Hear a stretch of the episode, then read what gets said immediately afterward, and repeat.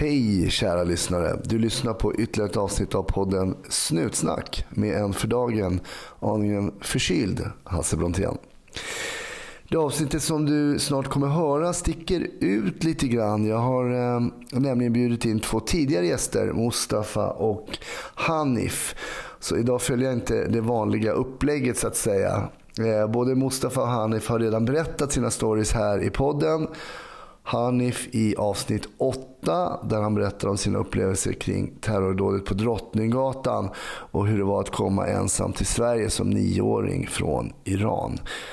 Mustafa kom till Sverige från Afghanistan när han var 11 år och hur det kändes och hans historia som polis hör du i avsnitt 29 av Snutsnack.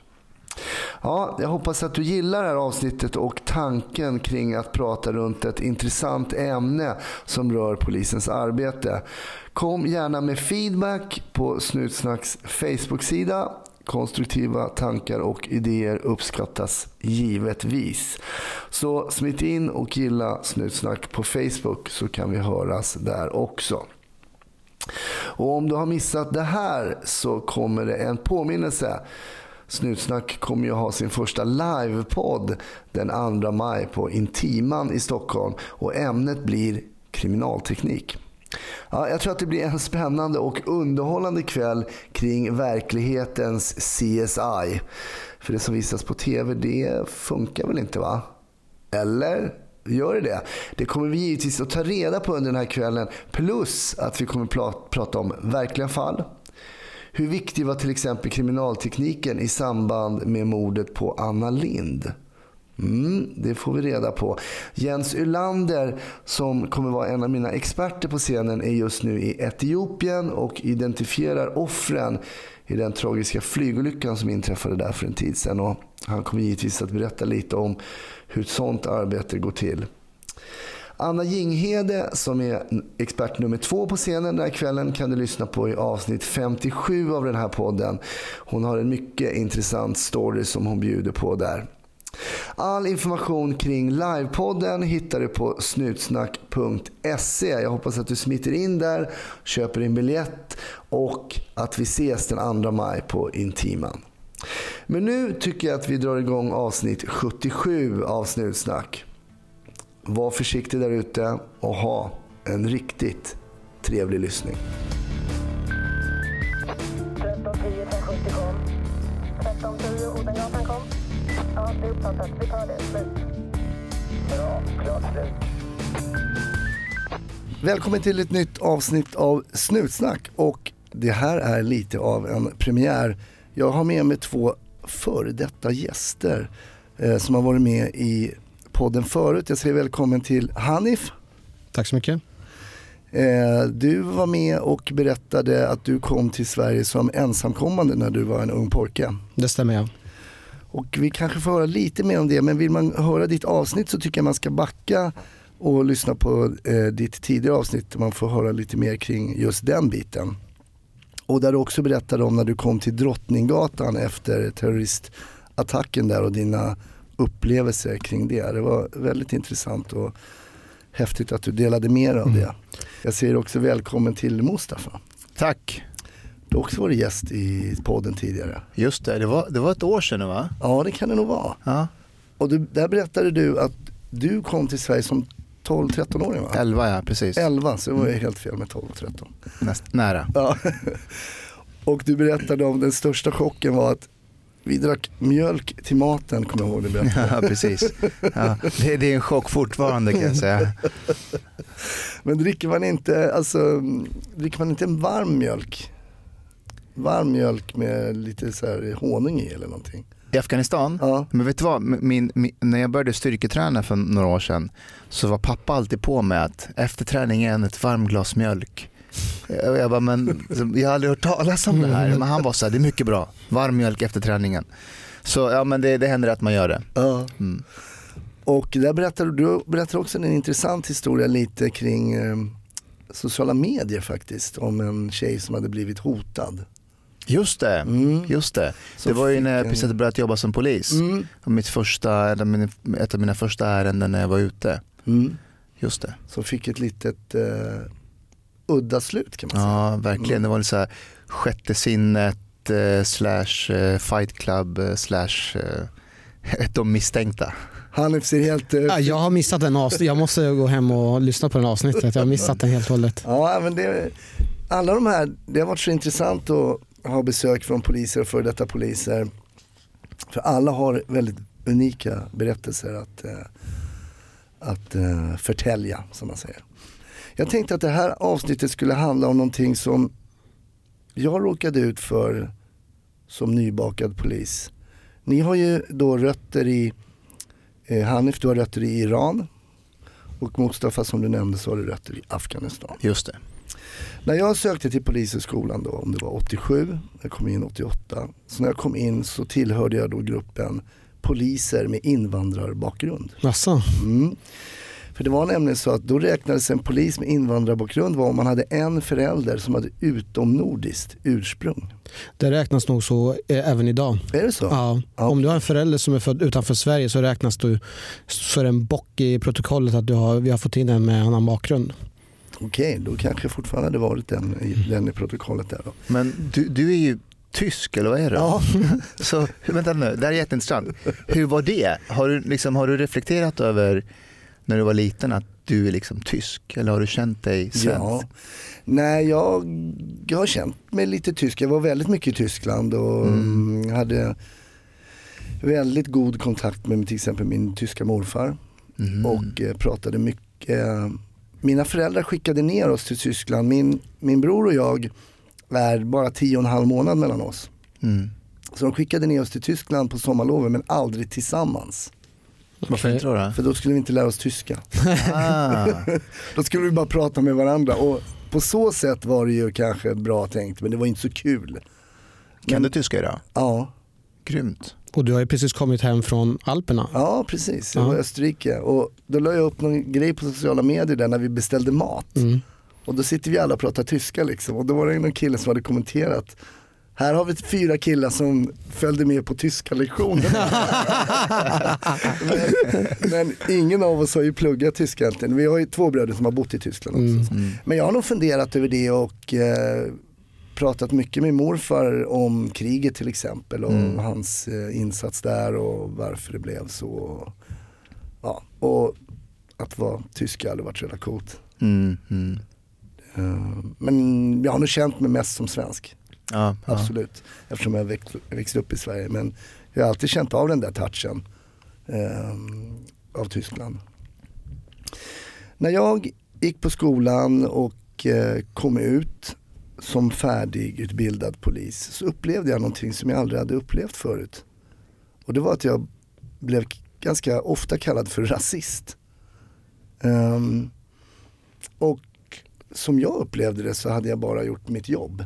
Mm. Mm. Jag hade gripit en person, jag hade omhändertagit en person. Men ofta blev jag kallad för just rasist. Och ofta var det ju såklart människor som man såg tydligt att de kanske inte hade sina rötter i Sverige som kallade mig för rasist. En gång blev jag kallad för rasist av en kille som jag sa, men vänta du är ju betydligt, ser ju betydligt svenskare ut än vad jag är. Mm. Han bara, men hallå jag är från Finland. Det går alltid, det går alltid, och det här, har jag, det här jag vet inte hur många gånger jag har hört det så till slut så reagerade jag inte ens på det. Mm. Hur var det för er när ni, när ni kom ut och började jobba som poliser med, med den lite annorlunda, ni har ju inte bara utomnordiskt utan utomeuropeiskt Just det. ursprung. Hur, hur, hur kände ni? Alltså för mig, jag, det var då jag blev på riktigt eh, bekant med uttrycket rasistkortet. Mm. Ah, nu kommer rasistkortet fram igen. Och eh, vad jag förstod det så var det liksom ett vedertaget av andra poliser att det här är det här är ett sätt för individer som känner kanske någon form av maktlöshet att på något sätt kunna försvara sig eller på något sätt kunna komma med argument eh, för att försvara sig själv på något sätt. Eh, så jag kommer också själv ihåg, jag, jag tror jag berättade vid ett annat podd att jag kommer ihåg att vi hade, jag var nyligen aspirant och vi hade så här eh, hastighetskontroll vid Solna kyrkväg, det är 30 km i timmen där och så, så hade vi stoppat en taxichaufför, han hade kört 52 km i timmen. Eh, och ja, men jag drar körkortet för den här killen. Han var för övrigt eh, iranier. Mm. Och Han blev ju helt utom till sig. Han var ju så förbannad. Och Han började skrika rasist till mig och mina kollegor.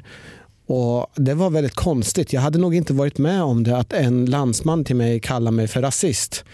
Men eh, på något sätt så var det också så här, ja, men man får väl ta det för att jag tillhör ju en i bland alla andra poliser. Mm. Så att den, den eh, bemötandet får jag också. Mm. Men det finns ju en omvänd sätt också när personer upplever att de inte riktigt kan kalla mig för rasist. Då är man så här, du är den där invandraren som vill passa in bland dina svenska kollegor. Svikaren. Så, svikare. Mm. Så du är, du är värre. Så, så vare sig man är svensk eller utländsk, hur man än är, det går inte att värja sig.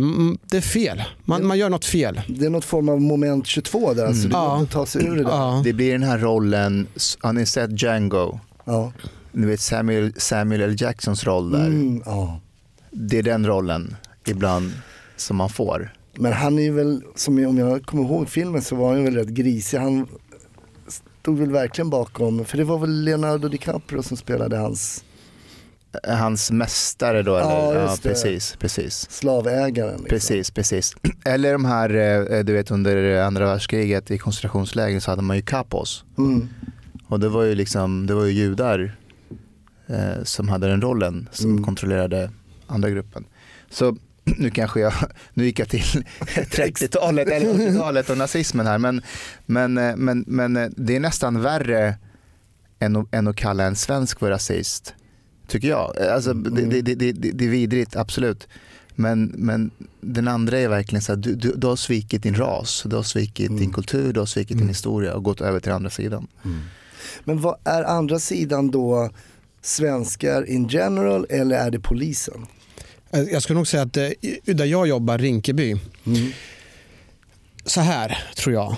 Eh, om man går tillbaka, jag kom ju till Sverige som nioåring och då fick jag växa upp i en mellanstor stad och där var det bara tvinga sig till anpassning med en gång. Mm. När jag gick i skolan så var jag typ den enda med utländsk bakgrund, eller alla andra var blonda. Mm. Och man var tvingad till anpassning och tvingad till integration vare sig man vill eller inte. Mm. Så man var en i mängden, en i gänget. Mm. Men när, vi, när jag började jobba sen som polis i Rinkeby, då uppfattade jag att aha, här är ju segregation och i segregationen så är det ju en separation mellan kanske personer med utländsk bakgrund och svenskar. Om man får förenkla det. Mm. Och genom att jag jobbar som polis och eh, representerar svenska samhället mm. har jag därmed svikit den andra sidan som och, och, Vissa utgår ifrån att det finns en vi mot dem-tänkandet. Mm. Och där man växer upp i förorten så tillhör man en, eh, ja, ett, eh, en grupp och svenskar en annan. Så att det finns väldigt mycket vi mot dem-tänkande från individer och ungdomar i förorten. Jag måste bara tillägga det, för det är jätteintressant. Jag tror att um, jag hade en jätteintressant diskussion häromdagen eh, om, om andra och första generationens invandrare. Mm. Um, men du och jag tillhör ju första. Ja. Um, och uh, vi kommer ju hit med en slags tacksamhet. Ja, exakt. Uh, och den är väldigt stark. Ja. Uh, medans andra generationen är ju födda här. Mm. Um, och de är ju inte tacksamma på samma sätt. För de, och, det är helt förståeligt för att man har ingen annan referensram. Mm. och, och ibland, ibland tycker jag det är väldigt fel att man eh, påtvingar dem en tacksamhet som mm. de inte kan relatera till. Så här, du är invandrare, du ska vara tacksam. Jag är född här. Mm. Vad, vad, pratar ni om? Mm. Så jag tror att det är en förhållningssätt och det har ju vi kanske. Det, jag måste vara ärlig, så här, jag gick igång på det själv när jag var som polis. För jag kom ju från min utgång, utgångspunkt för mig det att jag är oerhört tacksam att få komma hit och förmånen och nu dessutom ska jag få representera svenska samhället. Mm. Men du, alltså det, det, blir som krock där mellan mina värderingar och hur andra personer med utländsk, eh, utländsk bakgrund förhåller sig och det går jag igång på. Så jag märkte att jag har en brist i, i mig själv att jag, jag går igång på det här eh, det här sättet att man inte kan förstå eh, mitt perspektiv. Mm. Men när ni, sökte, eh, när ni sökte till polisyrket, var det här en tanke som, eh, som fanns hos er då? Kommer jag att kunna eh, uppfattas som en svikare. Fanns den tanken hos er då? För min del, jag har ju växt upp i, eh, i Norrköping och jag hade många vänner med svensk bakgrund. Jag har jag alltid sen, ja, jag har berättat min historia, men jag har gått in 100% för att jag ska tillhöra majoritetssamhället och jag ska göra allting. Och mina vänner runt omkring mig som såg mig som svensk. Så för mig, när jag utgick ifrån mig själv och min bakgrund så hade jag lite, eh, jag hade inte förförståelse för det perspektivet, för det var inte jag van vid. Nej. Att man kunde svika en folkgrupp eller etnisk grupp. För mig var det väldigt främmande. Men, men vad består det här sveket av egentligen då? Alltså, varför är det så att, mm, hur kan man svika då? Är det, vad består sveket av? Jag tror återigen eh, det handlar om många som växer upp i vårt samhälle, de växer upp i en segregation medan en del försöker integreras väldigt snabbt. Och Det ser vi framförallt i våra storstäder där istället för att integreras och ta till sig av majoritetskulturens eh, tankar och synsätt och värderingar så skapar man ju en subgrupp. Man skapar en egen subgrupp där man har egna, eh, typ Mustafa du pratar om hiphopvärlden och man skapar en förakt mot majoriteten. Man skapar en förakt mot svenska samhället och kvinnor och så. Nu och det är oftast andra generationen. Ja. Um, um, för um, som sagt, då, då, växer man upp i, i, en kontext där man är född i landet, man känner till landet men man upplever inte att man tillhör landet. Mm. Och skapar sig en bild av att de gillar ändå inte oss. Mm. Alltså de där ute, majoritetssamhället. Och då blir polisen och brandkåren de också en symbol för mm. mm. de som inte mm. gillar oss. Och interaktionen varje gång, titta där, titta där, ser du hur de betedde sig mot mig? De hatar oss. Och då mm. stärker man sig mer till att tillhöra sin egen grupp. Mm. Men jag tänker den här tacksamheten som ni berättade, jag menar ni kommer ju ihåg, du var nio och du var elva. Mm. Så ni kommer ihåg då när ni, att ni växte upp i, i, i Afghanistan respektive Iran. Men jag menar hur svårt ska det vara att förmedla den här formen av tacksamhet då? För det, jag menar inte att det ska vara evig tacksamhet men, men försvinner det bara så hux flux liksom? Du menar hos, hos, hos vilka? andra generationen tänker jag. Nej men det, jag, jag, menar att den inte finns där från början därför att man har ingen referensram. Nej men jag förstår det men jag menar kan inte den referensramen förmedlas av föräldrar till exempel? Jag, jag, jag, jag, tror att, jag tror att det är en ganska farlig väg om man påtvingar den. Mm. För än en gång, har man inte upplevt det så, så blir det svårt att relatera till det. Mm. Sen absolut om man, om man åker tillbaka till sitt hemland och, och är där under en viss period och ser att oj, det här hade kunnat vara mitt liv eh, mm. om, om, inte vi hade kommit till Sverige. Då får man de här mm. referenserna Precis. just liksom Alltså personligen, mm, just att man upplever det personligen. För, för, om man skulle jämföra det här och ställa en svensk fråga, en med etnisk bakgrund. Mm. Är du tacksam? Exakt. Är du tacksam för att var medborgare i Sverige så skulle, skulle jag gissa, vad då? varför skulle jag vara tacksam? Jag är född här. Mm. Och den tankesätten, och den, så resonerar även många som antingen är födda här eller har inget annat perspektiv. Och jag är beredd att förstå det. Jag är mm. beredd att respektera och eh, jag kan också ställa frågan huruvida, hur länge jag ska vara tacksam över att ha fått mm. kommit hit. Mm. Eh, jag, menar, jag har ju gjort rätt för mig och bidragit väldigt mycket. Hur mycket måste jag kämpa varje dag för att kunna behöva berätta, eller liksom visa det? Och jag tror att för mig själv när jag var liten, jag tror att jag försökte verkligen hårt med det. Att visa mig dubbelt så duktig, dubbelt så trevlig för att kunna visa att jag är inte som alla andra och så. Mm. Och jag, kan, jag tycker det är en relevant fråga. Behöver jag ens känna det? Mm. Ska jag behöva gå omkring och fundera och känna en tacksamhet varje dag? Mm, nej, det är intressant. Men det, det, gör jag ju, det måste jag säga också, det gör jag ju särskilt när jag pratar med mina kusiner som bor i Iran. Nu har det precis varit en eh, massa med eh, katastrofer där och situationen är helt ohållbart. Och när jag föreställer mig att jag kunde ha växt upp i Iran där jag inte haft alls de här förutsättningarna som jag har nu så är jag oerhört tacksam. Mm. Men, men du vet, alltså det är jätteintressant det här med tacksamhet. För jag, menar, jag, jag, anledningen till att jag valde polisyrket var just för att jag ville ge någonting tillbaka till Sverige som gav mig den här möjligheten och, och min familj och mina mina syskon. Um, den, och den, är, den är fortfarande väldigt stark och jag åker runt och föreläser idag och, och träffar många nyanlända. Um, det är just för att jag vill ge någonting tillbaka. Men jag, jag förstår vad du säger, att, alltså, var går gränsen och hur mycket tacksam ska man vara? Um, jag kan ju, när jag uttalar mig om migrations och integrationsfrågorna, eh, höra från vissa delar av vänstern att eh, du ska vara tacksam för att du kom hit Mm. eh, och du ska vara för i princip öppna gränser Mm. och låta alla komma hit för att du fick ju komma hit. Mm. Men det, verkar, det känns som ett konstigt argument tycker jag. Mm. Ehm, för att det, det skapar ju också problem, alltså öppna gränser skapar också problem. Uh, vilket har varit svårt att prata om i Sverige. Mm. Ehm, men jag tänkte vi ska återgå till polisyrket. När ni kommer ut och är färdigutbildade, eller vi kan väl börja redan på polishögskolan. Stack ni ut där? eh, som, eh, med, med, era, med era bakgrunder och märkte ni av det, att ni stack ut där? Jag var ju den enda med afghansk ursprung i, i hela skolan. Mm. Eh, sen hade vi någon från Iran, någon från Irak, ehm, någon från Bosnien sådär. Mm. Men vi var, vi, var, vi var ju rätt få, men vi fanns där. Mm. Så etniska svenskar var ju, var ju majoritet, helt klart. Mm. Men min upplevelse av skolan var ändå att det fanns en sådär, från lärarnas sida speciellt, att åh vad bra det är att du Mm. ska börja här för vi, vi behöver dig Mm. där ute. Mm. Eh, Dina kunskaper, din språkkunskaper och kulturkunskaper, det, det är någonting vi kommer behöva. Så Mm. det, det är skitbra att du har, att du har börjat. Mm.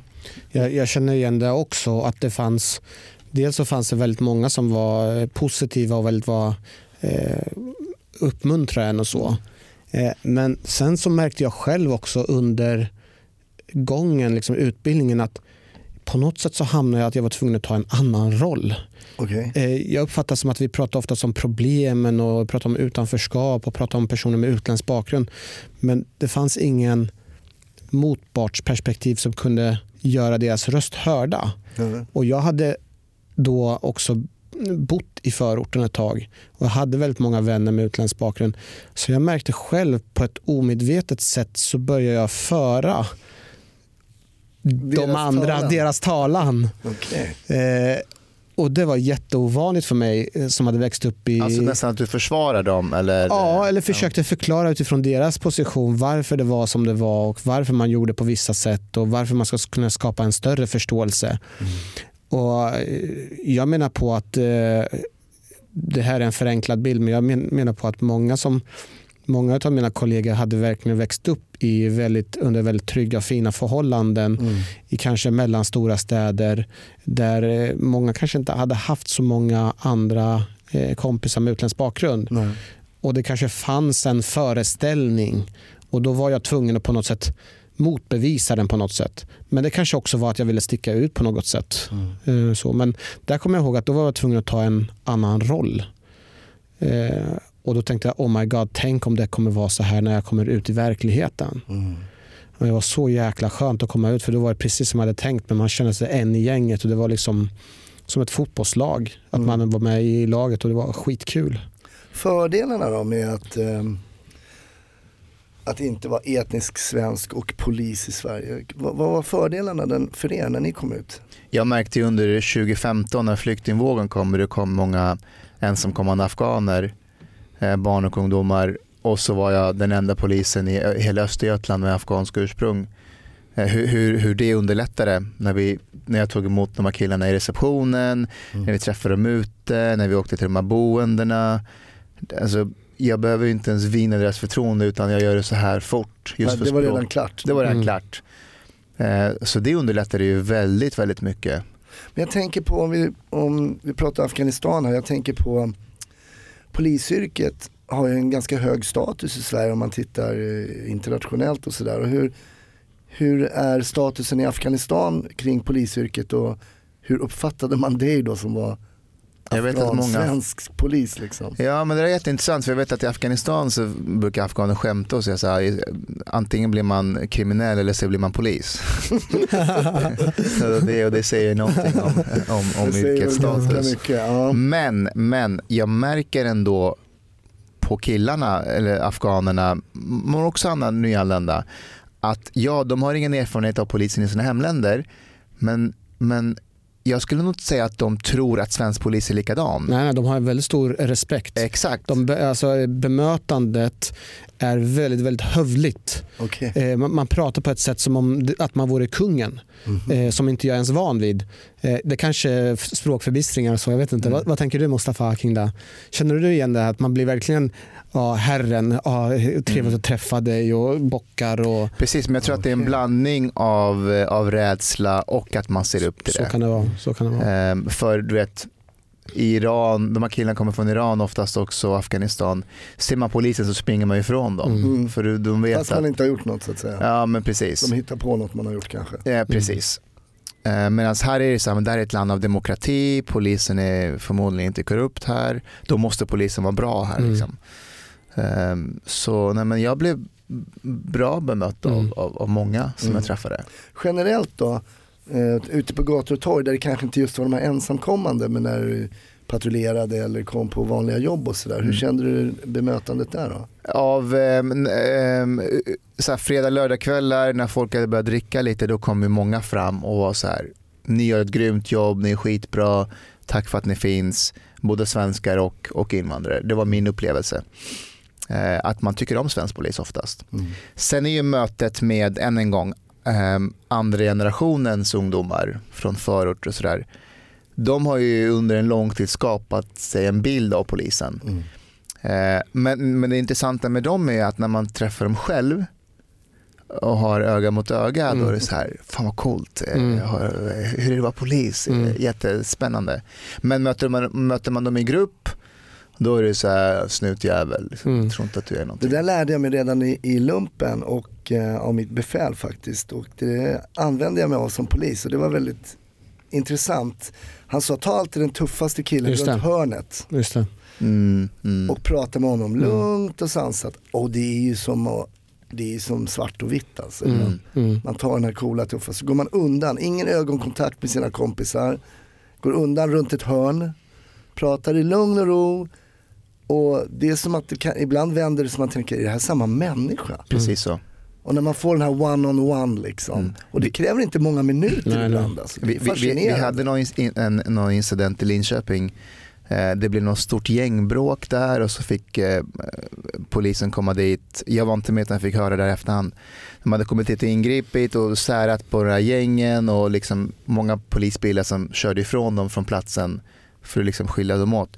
Men då har de tagit en av de här gängledarna in i en bil, flera poliser i bilen och när de hade börjat köra iväg då hade han börjat gråta i Mm. bilen och bara slå inte mig typ nästan. Ja, Eh, för han, var inte, han, han, var, han var själv, ja. det var ingen annan där. Ja. Eh, så de är, eh, öga mot öga är det något annat. Mm. Mycket intressant.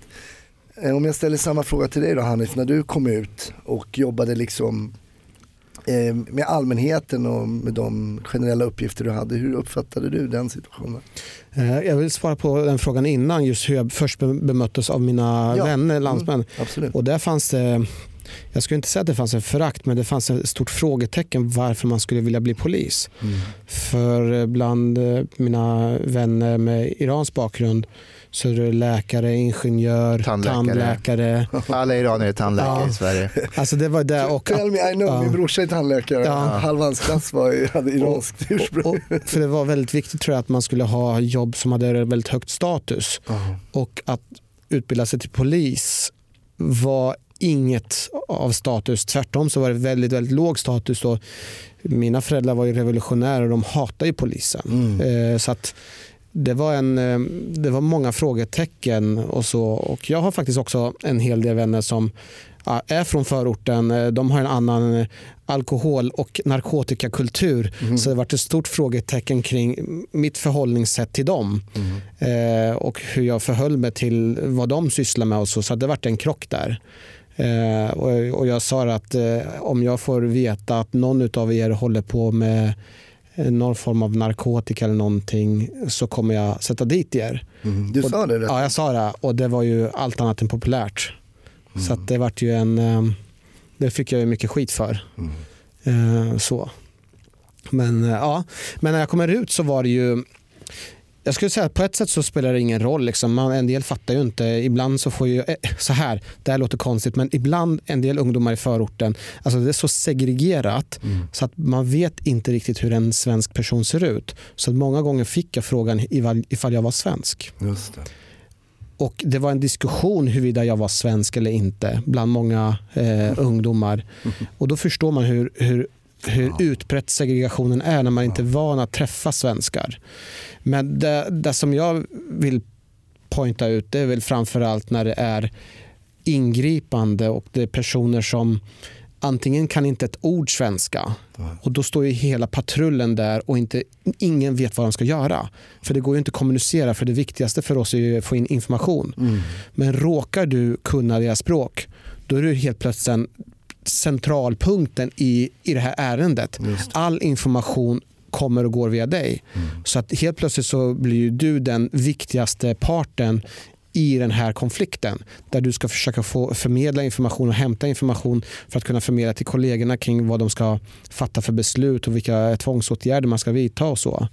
Eh, Så det är ett aspekt. Jag måste, jag måste bara tillägga, jag hade ändå en föreställning att när jag kom ut på gatan och skulle börja jobba så skulle jag kanske eventuellt möta någon slags rasism från svenskar, alltså etniska svenskar. Mm. Och, det, och, då- och då tänkte jag så här att, ehm, inte i vanliga fall, men, men säg att man tar någon riktig dumfyllo Mm. en fredagkväll. Mm.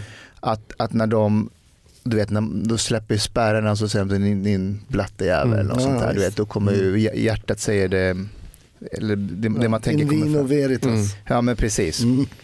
Men alltså inte ens då. J- Jag var inte med om det i alla Nej. fall. Ja. Ja, jag har varit med om det ett, Ja, ett antal det. gånger. Ja. Till och med jag har varit med om det. Ja, så det, Jag har inte alltid varit så här gråhårig. nej. Nej, okej. Och du vet, när jag växte upp då var vi ju, ja men du vet vi var en tysk, en turk och en jugge liksom. Och Bellman. Ja, det var med på ett hörn också. Och det var, det var invandrarna liksom på 70-talet. Det var inte någon Afghanistan, det hade man ju Nej. knappt hört talas om det, det landet liksom. Snart startar vår stora färgfest med fantastiska erbjudanden för dig som ska måla om. Kom in så förverkligar vi ditt projekt på Nordsjö Idé och Design. Men sen tycker jag vi måste ju, och det är ett ämne som vi inte får släppa, alltså rasismen inom polisen.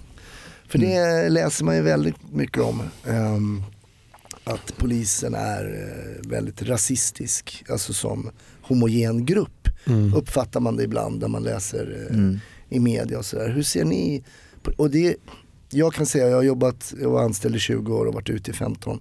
Jag tvivlar inte en sekund på att det finns eh, eh, vissa poliser med rasistiska tendenser och åsikter. Det, Absolut, det skriver jag på. det, det har jag sett, eh, inte så många tillfällen men vid något tillfälle absolut. Men som grupp och som, eh, vad tror ni där, som homogen grupp så tycker jag att det kan ibland lastas över lite väl lätt. Men är det så att kanske polisen är rasistisk i Sverige? Alltså jag, jag hade den föreställningen också, från, framförallt från media. Och där många vänner utifrån ställde frågan så här, oj hur, hur kommer du uppfattas? Så jag var väldigt så här, ja, men jag var väldigt nyfiken på hur det skulle, hur det skulle vara. Men alltså jag vart ju, alltså jag vart ju så chockad över alltså hur proffsiga eh, kollegorna var. Eh, och, och den bilden av den problematiken som vi har ute i området, den, den får man ju inte, nu börjar ju talas om det på ett helt annat sätt. Men för 9-10 år sedan så beskrev man ju inte verkligheten som den var. Mycket av det här tystas undan och, och när, man, när man såg att i mitt område är det väldigt många med utländsk bakgrund och det var nästan så att jag kände, jag fick, alltså jag, jag, på något sätt så skämdes jag utifrån vad alla andra gjorde. Och Hur hur, menar du då? Du, Ja, men jag, alltså, när, när problematiken med eh, så här att personer med utländsk bakgrund var så överrepresenterade i, i kriminalitet. Alltså, jag hade okej. ingen för... Alltså, i mitt, men det måste man säga att det här är väldigt särskilt i där jag jobbar i Rinkeby. absolut. Eh, där, det, där majoriteten är av utländsk Mm. bakgrund. Men för mig var det en sån stor chock över hur utbrett eh, kriminaliteten var och hur mina kollegor var så här proffsiga och bemötande och inte liksom som jag hade tänkt mig att de skulle komma med nedsättande kommentarer och sådär. Och det, skulle jag säga, det, det förvånar mig att, inte, att inte jag fick se någonting av det som jag hade fått beskrivet för mig ifrån media. Men jag, jag ska vara också ärlig och säga att jag har ju hört ett och annat. Mm. Kommentar här och där. Framförallt har jag hört framförallt eh, av kring eh, personer som vi har mm, jobbat med som har sagt att någon har kallat dem för det ena och det andra. Mm. Och för mig är det, det jag har jobbat nio år och jag tycker det är så konstigt att jag har jobbat nio år, jag får inte höra det själv live. Men så får jag höra från andra tredje person att någon har sagt det. Eh, Så blir jag förvånad över huruvida det stämmer eller inte. Men så har jag också fått rykt, hö- höra ryktesvägen vad jag själv har gjort mot vissa individer. Att jag ska ha kört eh, ut dem i skogen och slagit dem. Och då, då vänta, vänta nu, vänta nu tänker jag då. Okej, jag fattar. Nej, jag har ju inte det. Och så, Okej, jag fattar. Jag är inte så naiv. Det, man får ju faktiskt ljuga. Det är inte olagligt. Nej, men det, där, och så här, det är min upplevelse också att jag hade ändå så här, majoriteten av våra klienter i Linköping var ju människor med utländsk härkomst. Mm. Eh, gängkriminaliteten, drogförsäljningen oftast. Eh, så jag hade ändå föreställning att vid fikabordet så skulle det förekomma en del jargong och så. För att vi är människor. Mm. Vi, vi, vi, vi påverkas. Men jag såg inte det, in, inte så som jag hade föreställt mig. Man Nej. skämtar ju om saker och ting men det fanns inte riktigt där. Mm. För att det var ju också en tid där alla var, man är försiktig med vad man säger, um, um, antirasismen och allt det där. Den är, den Polisens värdegrund också. är polisens värdegrund. Vi hade jättemycket värdegrundssnack. Mm. Mm. Så jag blev också ganska förvånad faktiskt. Alltså med tanke på att man dag efter dag träffar klienter med utländsk härkomst. Mm. Eh, men att man ändå kunde vara så pass professionella. Mm. Eh, Är det branden, jag tänker på det här, nu var inte det polisen som var inblandade men det var en gravid kvinna på tunnelbanan här för en tid sedan, kanske en månad, en och en halv, som blev omhändertagen av ordningsvakter. just det. En svart gravid kvinna med En ett barn. Svart gravid kvinna med ett barn och eh, det blev ett stort ståhej i media och på sociala medier. Jag gick in då, alltså jag vet ju att jag ska hålla mina fingrar i styr för att och, och, och försöka få någon, ibland vill man bara att debatten inte bara ska vara svart eller vit och Mm, försöka mm. förklara. Mm. Jag hade minne av en händelse jag var med om när vi brukade våld mot en gravid kvinna, vilket man ju tror att man aldrig ska göra. Mm. Hon slog en annan kvinna med en kvast, hon var full och väldigt gravid. Mm. Eh, och då fick man ju ta tag i den här höggravida kvinnan och eh, gripa henne, det var inget mer med det.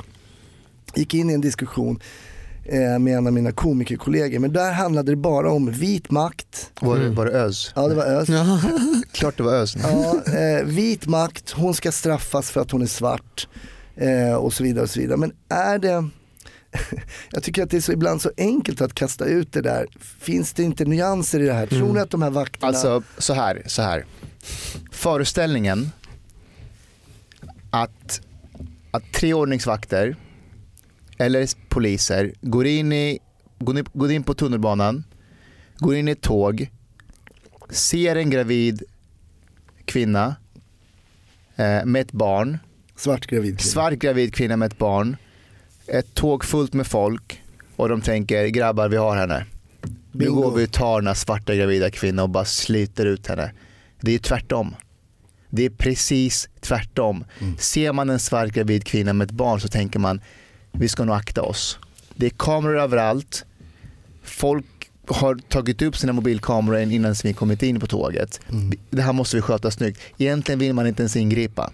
Ja. Det är precis tvärtom. Mm. Så den här, de här demonstrationerna som ordnas om, om hatet mot svarta kroppar, att de är ute efter oss. Alltså det är livsfarligt. Mm. För man skapar en polarisering som egentligen inte finns. Mm. Man skapar en föreställning som egentligen inte finns. Mm. Livsfarligt. Får, får, får jag bara kommentera där? Mm. Det som jag tror är största problemet det är att eh, det, vi har grupper, minoritetsgrupper. Mm. Minoritetsgrupper och som inte pass, eh, liksom sticker ut från normen. Alltså om du är svart så sticker du ut Mm. för majoriteten är vita. interaktionen mellan minoriteter och majoriteten, alltså det kommer massor med konflikter hela tiden. Mm. Man blir ju ifrågasatt ständigt. Och det behöver inte vara medvetet, det är ju omedvetna handlingar. Jag har gjort det flera gånger att personer som är uppväxta här, pratar svenska, jag börjar tilltala dem på engelska. Mm. Man blir ifrågasatt huruvida indirekt så blir man ifrågasatt huruvida man tillhör landet och så. Och det här sker ju kontinuerligt. Inte kanske för mig och inte kanske för dig. Men om man har en svart hudfärg, har slöja, är muslim så får man den här interaktionen äh, regelbundet. På det så har du några som representerar samhället, gör ett ingripande. Mm. Jag tror att på ett intellektuellt sätt eller på ett känslomässigt, eh, känslomässigt sätt så är det oerhört svårt för en person att kunna skilja på vad som är vad. Det här bemötandet eller polisens bemötande är rasistiskt eller har en fog för det. De, de går ihop med varandra och man agerar känslomässigt för man har blivit utsatt så många gånger. Mm. Och därför så blir det den här konflikten som det blir. Så att så vi måste förstå varför det sker. Det sker ju inte av ingenting alls. Det är ju inte bara så att någon bara säger rasist för att det är så, utan det är ju en kontinuerlig som man har blivit utsatt för hela tiden. Som är oerhört svårt för andra personer att förstå för att de har inte varit med och upplevt det. Nej. Nej, jag är med på den.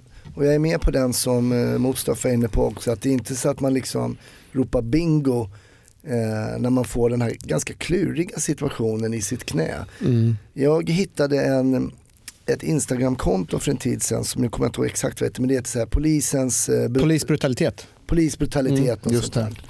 Och jag måste säga att jag blev förvånad av hur lite polisbrutalitet en, De hade kon- rapportera. en konto Ja. som heter polisbrutalitet Mm. i Sverige kunde rapportera om. Mm. Med tanke på alla kameror, Mm. alla GoPro, alla telefoner så är det extremt lite som kan rapporteras. Mm. Men det är det här som är det, det livsfarliga, det är att man skapar sig en bild av att man bor i Harlem på så här 60-70-talet och poliser var ute efter att ta dig. Det är Rodney King eh, eh, eh, scenarios varannan dag. Man jagar ett spöke som egentligen inte finns där. Men man konsumerar den här typen av material. Men du konsumerar det här, vad som sker i USA, Black Lives Matter, du lyssnar på hiphop, du går, i- du går på de här olika kulturevenemanget där man berättar hur förtryckt man är, hur den svarta kroppen är förtryckt av den vita majoriteten. Och sen så sker ett ingripande där någon som har en vit hudfärg men kanske har latinobakgrund eller invandrarbakgrund och så, så ser du att en person har med mörkt hudfärg. Bam! Där har du det. Där har vi hela den här berättelsen som jag har fått läsa om. Och här ser jag det svart på vitt. Rasist. Mm. Men är det, är det, då sa du med latinobakgrund, lite brun, kanske är då som man brukar säga rasifierad har man ju hört ett uttryck. Just det. Jag har ju varit väldigt osäker kring det här uttrycket. Vad är det och varför ska vi dela in folk som är rasifierade? Så jag hade ett samtal med en tjej, ingen nämnd, ingen glömd. Eh, och så så sa jag, du som verkar kunna det här med rasifierade, jag ska berätta en historia för dig. Om en 14-årig pojke som blev nedslagen av rassar på Skanstull. Eh, på, vid bussarna där. Han stod och väntade på bussen och de sparkade ner den här killen.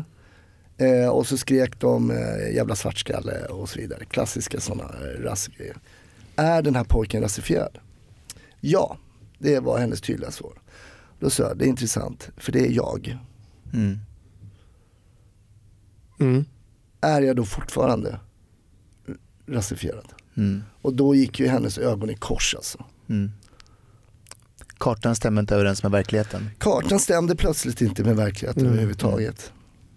För att juggar och, och, och turkar och italienare som kom 50-60-talet och deras barn, och jag då som var ju, såg ut som en jugge eller en italienare. Vi var ju dåtidens svartskallar. Mm. och då var jag, men jag var ju enligt henne idag inte rasifierad. Så jag har bytt. Jag undrar Vad ställer ifall... till det här med rasifierade eh, Jag jag Ja, jag ja, vet jag, det- jag, vet inte, jag vill inte ens prata ibland. om det. Jag vet inte. Alltså, Det där är, jag vet inte, jag är, o, jag, är, jag är inte så smart för att prata om Nej, det där. det- jag- jag- jag måste- Jag bara berätta en liten story. Jag jobbade med en psykolog för ett tag sedan. Han har ursprung i Iran. Ehm, och, eh, och han berättade... Typiskt att alla som du jobbar med är iranier. Jag vet, jag vet. Och då, innan jag berättar det så måste jag berätta om min pappa bara. när, jag, när jag sa upp mig från polisen så sa farsan till mig så här, eh, han var lite orolig för du vet jag hade fast jobb, lämnade mitt drömyrke eh, och skulle starta eget, åka runt och föreläsa. Och då sa han så här, okej okay, min son, jag förstår att du vill göra det här, det, det, det, det är bra, det är bra. Men jag vill ge dig ett par råd bara, sa han så här. Ja absolut, sa pappa. Så han så här, min son, akta dig för iranier. och jag bara, pappa varför? De är mycket smarta. De är mycket, mycket smarta. De kommer ta ditt företag ifrån dig. Så för ett tag sedan så träffade jag Mustafa och frågade, Mustafa vill du samarbeta? Vad tror du Mustafa svarade då? Jag ringa pappa. Han sa, kom tillbaka när du har ett företag.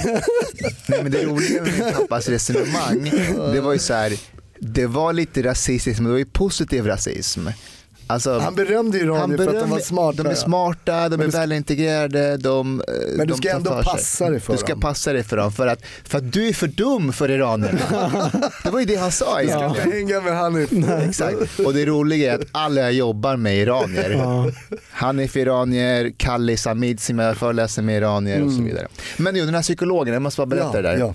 Ehm, vi, vi föreläste tillsammans för ett tag sedan och så berättade han för mig att han var på en utbildning och um, jätteintressant utbildning och efteråt när de är klara så kommer en, eh, en, utländsk, en utländsk tjej fram till honom och säger så här. Du, eh, märkte du att du och jag var den enda rasifierade på den här utbildningen?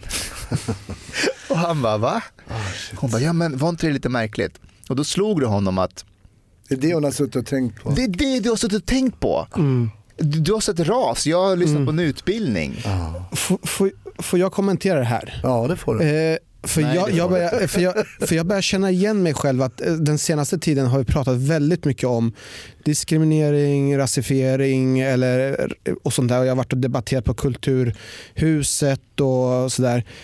Och sen så kommer jag ihåg igår när jag satt på tunnelbanan um, och jag skulle gå av från tunnelbanan. Det var en, en vit man i medelåldern som kom och satte sig bredvid mig. Och när jag skulle gå av um, tåget så bara, när jag skulle gå av så bara flyttade han inte på sina ben. Och jag bara, vad fan, eh, hallå? Jag tittar på honom och han tittar argt på mig. Mm. Och till slut så bara, fan, då vart jag liksom arg. Och sen när jag kliver av bara så tänkte jag, undrar ifall det där var på grund av att jag var utlänning. Och samma sekund som jag tänkte det men shit, nu fattar jag vad det handlar om. Alltså om jag går omkring och tänker på de här tankarna hela letar, tiden. Liksom. Om, om, jag, om jag lever i den här världen så kan varje interaktion, varje gång som det sker någonting kopplat till mig, jag kan ju dra den paralleller. Mm. Och det här, är, det här är livsfarligt för det är omöjligt för mig att kunna gissa det. För det kan ju ha varit så att den här gubben var en idiot. Ja. En vanlig idiot ja. som gör som alla människor på tunnelbanan. Som aldrig flyttar på sina ja. ben. Ja, det är hans hobby liksom. Ja. Det är det han åker runt och gör. Men jag märker nu liksom att tankarna förändras ju mer man tänker i vissa termer. Mm. Och man kan ju vara, och jag tror andra sidan är ju om man är väl, välintegrerad bostadsrättsiranier eh, som Hanif Bali brukar säga. Väl assimilerad, väl assimilerad bostadsiranier. Bostadsiranier som är. Då vill man ju vara så pass mycket en i mängd. bostadsrätts? Bostadsrättsiranier. bostadsrättsiranier. Exakt, viktigt. Ja. Assimilerad bostadsrättsiranier. Då har man nästan svårt att se Eh, de här typerna av grejerna. För man, är, man, man identifierar sig en i mängden. Så att man kan bli utsatt hela tiden men man tänker inte på det, på det sättet. Mm. Så jag tror att det är motsatsen. Och jag vet inte vad jag skulle säga med det. det vet inte Mustafa jag heller tror jag. Nej, nej. Men om vi, om vi tittar på, jag snurrar tillbaka lite till själva polisyrket också där vi alla har rötter i. Och um, om man tittar, ni har berättat om fördelarna med um, med att ha eh, en annan bakgrund än etnisk svenska till exempel. Du säger att man blir centrum till exempel. Man får, kan ta tag i en hel utredning kanske när man är på plats och så vidare. Och så vidare. Vilka saknar vi då? Eh, menar, nu har vi Iran, ni berättat att du hade Irak, Bosnien. Eh, så vilka saknar vi som poliser? Somalier.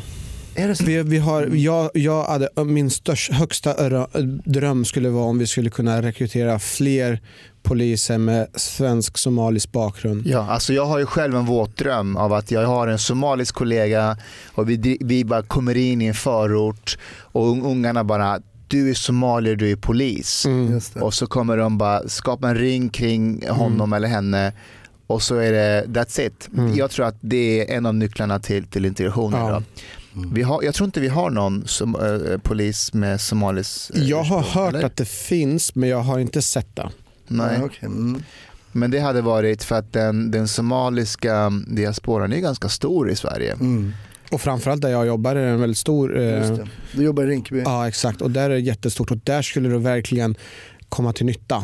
Jag tror att det skulle, vi skulle kunna vi skulle komma väldigt, väldigt långt. Mm. Så eh, Så du som lyssnar nu som har somalisk bakgrund, skicka in en Ja. ansökan. Hör av dig till mig. Mm, Ja. Just det, du kan få prata lite med Och, och ska jag vara ärlig, det- det är ju också så här att det, för att människor med en annan bakgrund ska söka sig så måste man ha någon som går vägen före. Det blir som en katalysator såklart. Ja. så man kan ja. för det där, vi måste ha förebilder. Mm. Vi måste ha förebilder som visar att den här vägen är möjligt. Mm. För ärligheten är så här att jag får ju mycket samtal. Eh, det, kan vara tjejer med, det kan vara dels tjejer och killar med somalisk bakgrund men det kan också vara många med annan eh, trosuppfattning, många muslimer som ställer frågan huruvida de får vara i polisen om de är muslimer. Om man får vara polis och ha slöja på sig eller ifall polisen kan tänka sig ha typ svarta kvinnor.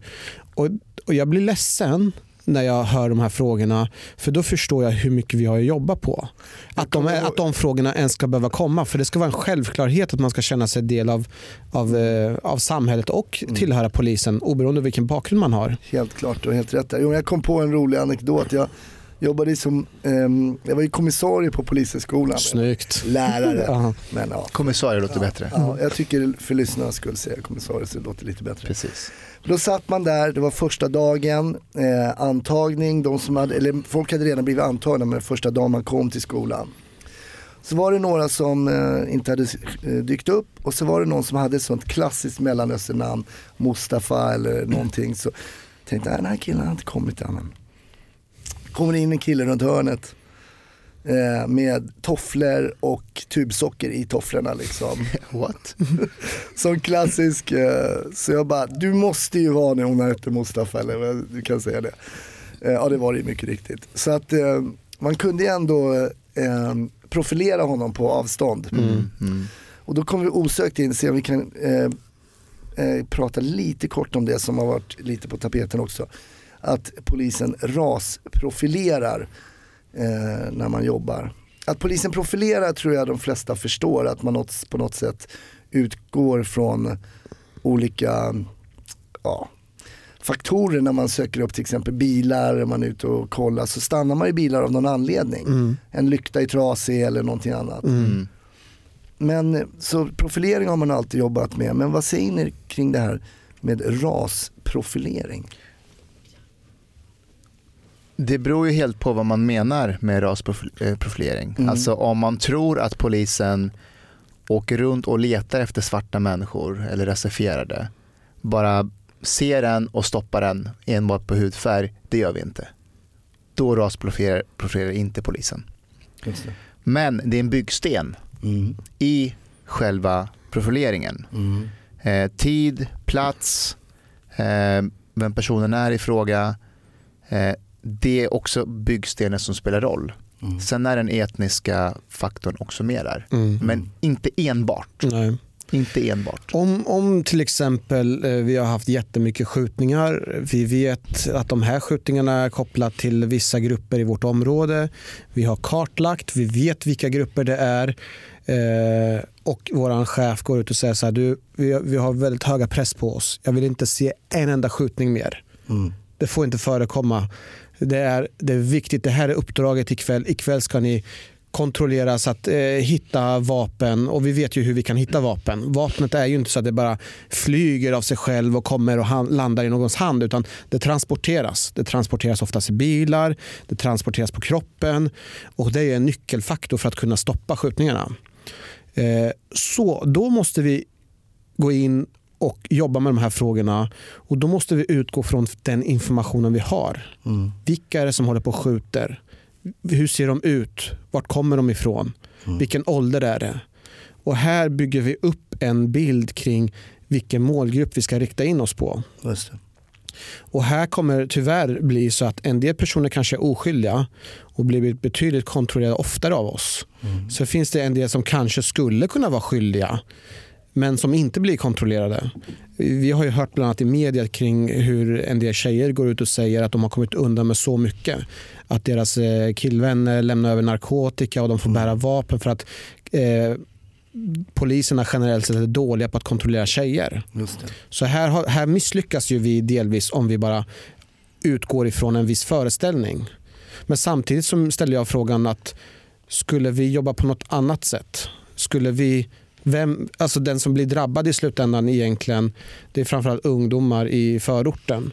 Så även man blir drabbad så vill jag tro att man vill hellre att vi ska stoppa skjutningarna än att man riskerar att bli kontrollerad en och två gånger.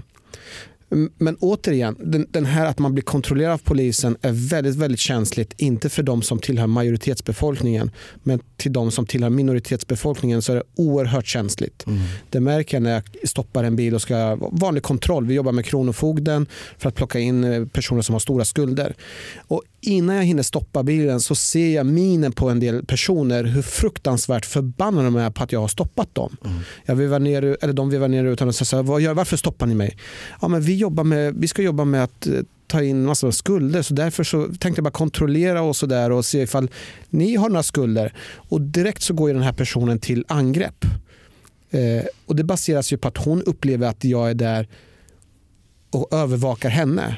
Medan när man stoppar och kontrollerar en vanlig Svensson på en vanlig väg så är det oftast wow vad kul att se, eh, se en polis här. Jag har ju aldrig blivit kontrollerad förut och så blåser man. Fan ni gör jättebra jobb. Det är lite spännande. Det är spännande. Jag har aldrig blivit stoppad. Så de går ihop. att ena eh, Majoriteten känner en tacksamhet. Minoriteten som blir ständigt frågasatt upplever sig trakasserad, diskriminerad av polisen. Men det är det här som är kruxet här. Om vi tar en förort var som helst i Sverige. De, de som bor i förorten, min föreställning är att 95-96% av alla som bor där vill bo i lugn och ro. De vill jobba, de vill betala skatt, de vill göra rätt för sig. Det de vill är att det ska vara fint där. Okej? Då måste de förstå att det finns en del som skapar problem där de bor och de människorna ser ut som de utseendemässigt. Och att polisen vill att det ska upp, upphöra. Och då kommer man också kontrollera andra som ser ut som dem, har samma bakgrund eller och så vidare. Just. Om målet är att det ska bli bra där, då måste man köpa det här. Att vi måste här jobba tillsammans. För att, för att slutmålet är ju att det ska bli lugn och ro här. Men då måste polisen samtidigt där göra en effort där att när man stoppar en person som är helt ren, inte gjort någonting, det är en vanlig kontroll, att man förklarar, ge den där 30 sekunder, en minut extra att eh, det är en vanlig kontroll, ehm, vi kontrollerar alla, eh, förklarar läget, tack så mycket, så att man lämnar med en bra känsla. Det kan polisen bli mycket, mycket, mycket bättre på. Det, det, det betvivlar jag inte ens. Nej. Och här, här skulle jag påstå att utifrån hur vi jobbar i förorten i, i Rinkeby så jobbar vi väldigt mycket med att lämna information. Vi har ju områdespolisgruppen som jag tillhör bygger ju väldigt mycket att gå ut och informera och berätta och motverka ryktespridning. Men någonstans så är ju ändå, jag tror att om man går tillbaka till sig själv, eh, man blir stoppad hela tiden. Dag ut dag in så blir du kontrollerad. Ja, men det är bara rutinkontroll eller du vet ju själv hur det är. Vi måste göra det här. Och sen så är man på sin kanske första eller andra dejt. Man tar med sig en guzz. Man åker in och glider i sin feta Merca och eh, är king. Och sen så kommer polisen och stoppar igen. Jag fattar. Jag fattar att, Absolut. eh, att, man, att, att proppen går. Vi är människor, Ja, jag förstår det. och då kommer ju den personen kanske inte vara så trevlig mot polisen. Och polisen blir ju också många gånger utsatta för ah, you name it. Vi har ju fått all skit. Liksom. Pungspark, spott, allting, eh, molotov cocktail, allt på oss. Och vi vill ju inte heller ta skit. Och där uppstår konflikten, konfrontationen som kan bli någonting som slutar mycket värre. Om vi går till rasprofileringen igen där. Mm. Ni kommer ihåg Reva som håller på mellan var det 2009 till 2014 eller något sånt där. Mm. Ja, det var en kort period, var det så länge? Men det kanske det var. Ja, något Ja. sånt där. Men det fick ju väldigt mycket kritik. För det var ju ganska tydligt. Man skulle göra inre utlänningskontroller och, se, och, och hitta de individer som inte ska befinna sig i landet. Exakt. Och det var ju politikerna som, som bestämde det. Mm.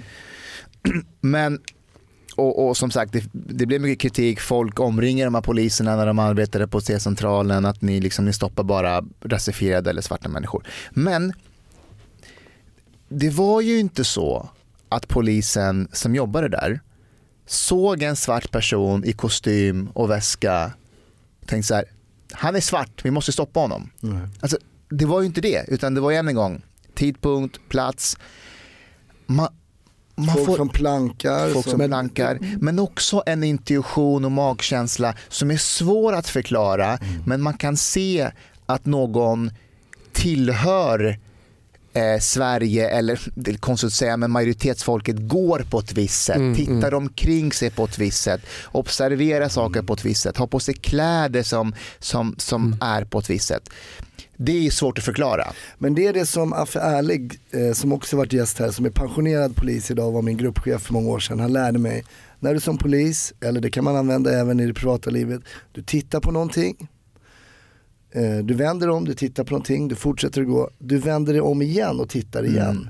Då är det någonting som inte stämmer, du kan inte själv förklara det, Nej. då ska det kontrolleras. Och, och, och om du inte gör det, om du inte gör det av politisk korrekthet, då är det fan tjänstefel. Ja, ja, exakt.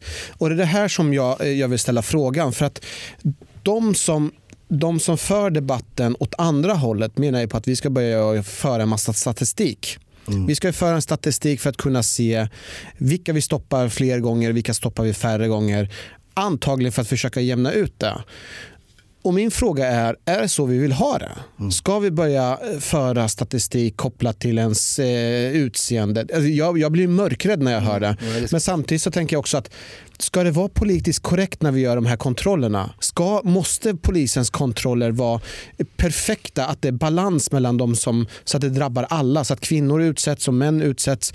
Det Eller, låter som en omöjlighet i min Ja, eller ska, vi, eh, eller, eller ska vi få acceptera det här? Jag tror att enskilda individen som blir stoppad flera gånger per dag vill inte att, han, att den personen ska bli stoppad.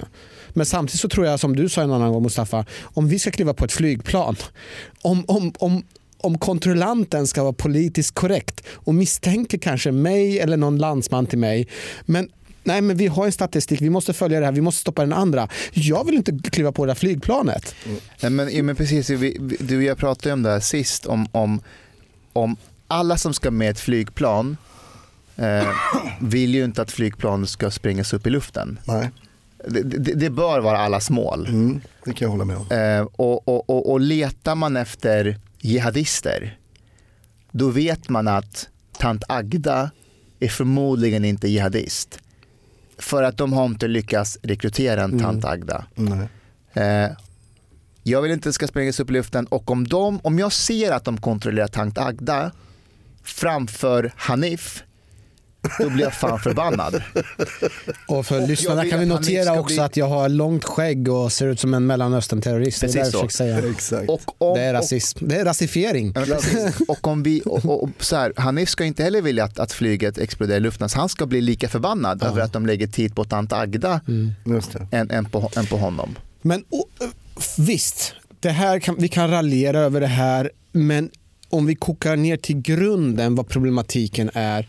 För vi måste gå tillbaka. Majori, alltså, poliserna känner inte igen den här diskussionen. De generella poliserna fattar inte att man blir anklagad för rasism.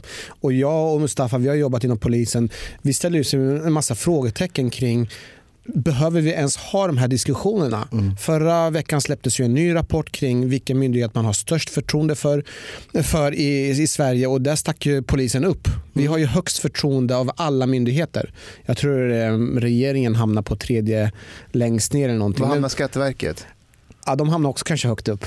Ja, de hamnar alltid högst upp. Ja, jag tror vi hamnar högre än De dem. blykoll Ja. på allt. Men så, att, och, så återigen, alltså förtroendet för polisen är skithögt och det är framförallt av personer, svenskar och sådär. Men just minoriteter, romer eller personer med af, afrikansk eller afrobakgrund. Där finns det nog en, en massa frågetecken som jag hör, eller vi hör att det poppar upp här och där. Och Det är svårt att kunna veta hur omfattande problemet är. Hur omfattande en del blir utsatta för eller inte. Och Det är värt tycker jag att belysa på något sätt. Absolut. Det här är så intressant och det bara flög iväg eh, tiden här att sitta. Jag vet, vad är ni, kan berätta, vad är ni aktuella med? Jag har, vet, jag har ju läst din bok som jag fick av dig Just det. Mustafa. Det lilla landet som kunde. Just det. Eh, väldigt intressant, där du bland annat intervjuar min gamla klasskompis Henrik Arnstad. Är det sant? Ja. Just det. Han Just det. var, eh, han var en udda fågel redan Han, då. han kallade eh, mig och Jens för de där jävlarna på Twitter tror jag, efter, efter att boken hade släppts. Men just nu håller Ganman, Jens Ganman och jag på med en uppföljare till boken eh, som kommer bli film. Intressant. Och eh, den kommer heta Lort Sverige. Mhm. Och då kanske någon tänker så här, vadå Lort Sverige? Men det gjordes en dokumentär, radiodokumentär för 80 år sedan av en journalist som heter Lubbe Nordström. Där han åkte runt i Sverige tillsammans med läkare och, och präst och skulle hitta, som han uttryckte det, folkhemmets efterblivna sida. Alltså trångboddhet, hur folk bodde eh, hygienmässigt och han ville visa hur det påverkade själen men också det fysiska. Så Jens, Jens Ganmo ska, vi ska ut på en resa runt om i Sverige och hitta Intressant. eh, Sverige. Ni gör Så- en uppföljare till den. det blir uppföljare till boken så stötta oss gärna på Kickstarter, vi skulle jättegärna uppskatta det. Och var hittar man dig Mustafa? Jag finns på Facebook, Mustafa Panshiri, eh, Twitter, Mustafa Panshiri, eh, Grindr, Mustafa. Hanif, du, är du polis Ja. eller är du inte polis? Ja, jag, är, jag är fortfarande polis men eh, snart ska jag till Vingåker och ha en för, föräldraföreläsning Ja. för föräldrar. Eh, Så jag är ute och föreläser för ungdomar, eh, yrkesverksamma och eh, föräldrar om ja, hur, hur vi kan jobba med eh, utanförskap och integration och motverka polarisering och hur vi kan få fler att känna en tillhörighet till det svenska samhället. Stort tack, jag bugar och jag bockar. Det var jätteintressant att få ha er som gäster igen. Eh, där är ni ju unika, att ni får, har fått komma tillbaks. Tack Hasse. Eh, ni lyssnare, glöm inte att gå in på snutsnack.se och boka biljetter till livepodden som jag tror kommer bli väldigt intressant. Ska se om jag får dit Mustafa och Hanif också. Ja, det vore jättespännande. Mm. Ha det jättebra så hörs vi i nästa vecka. Tack.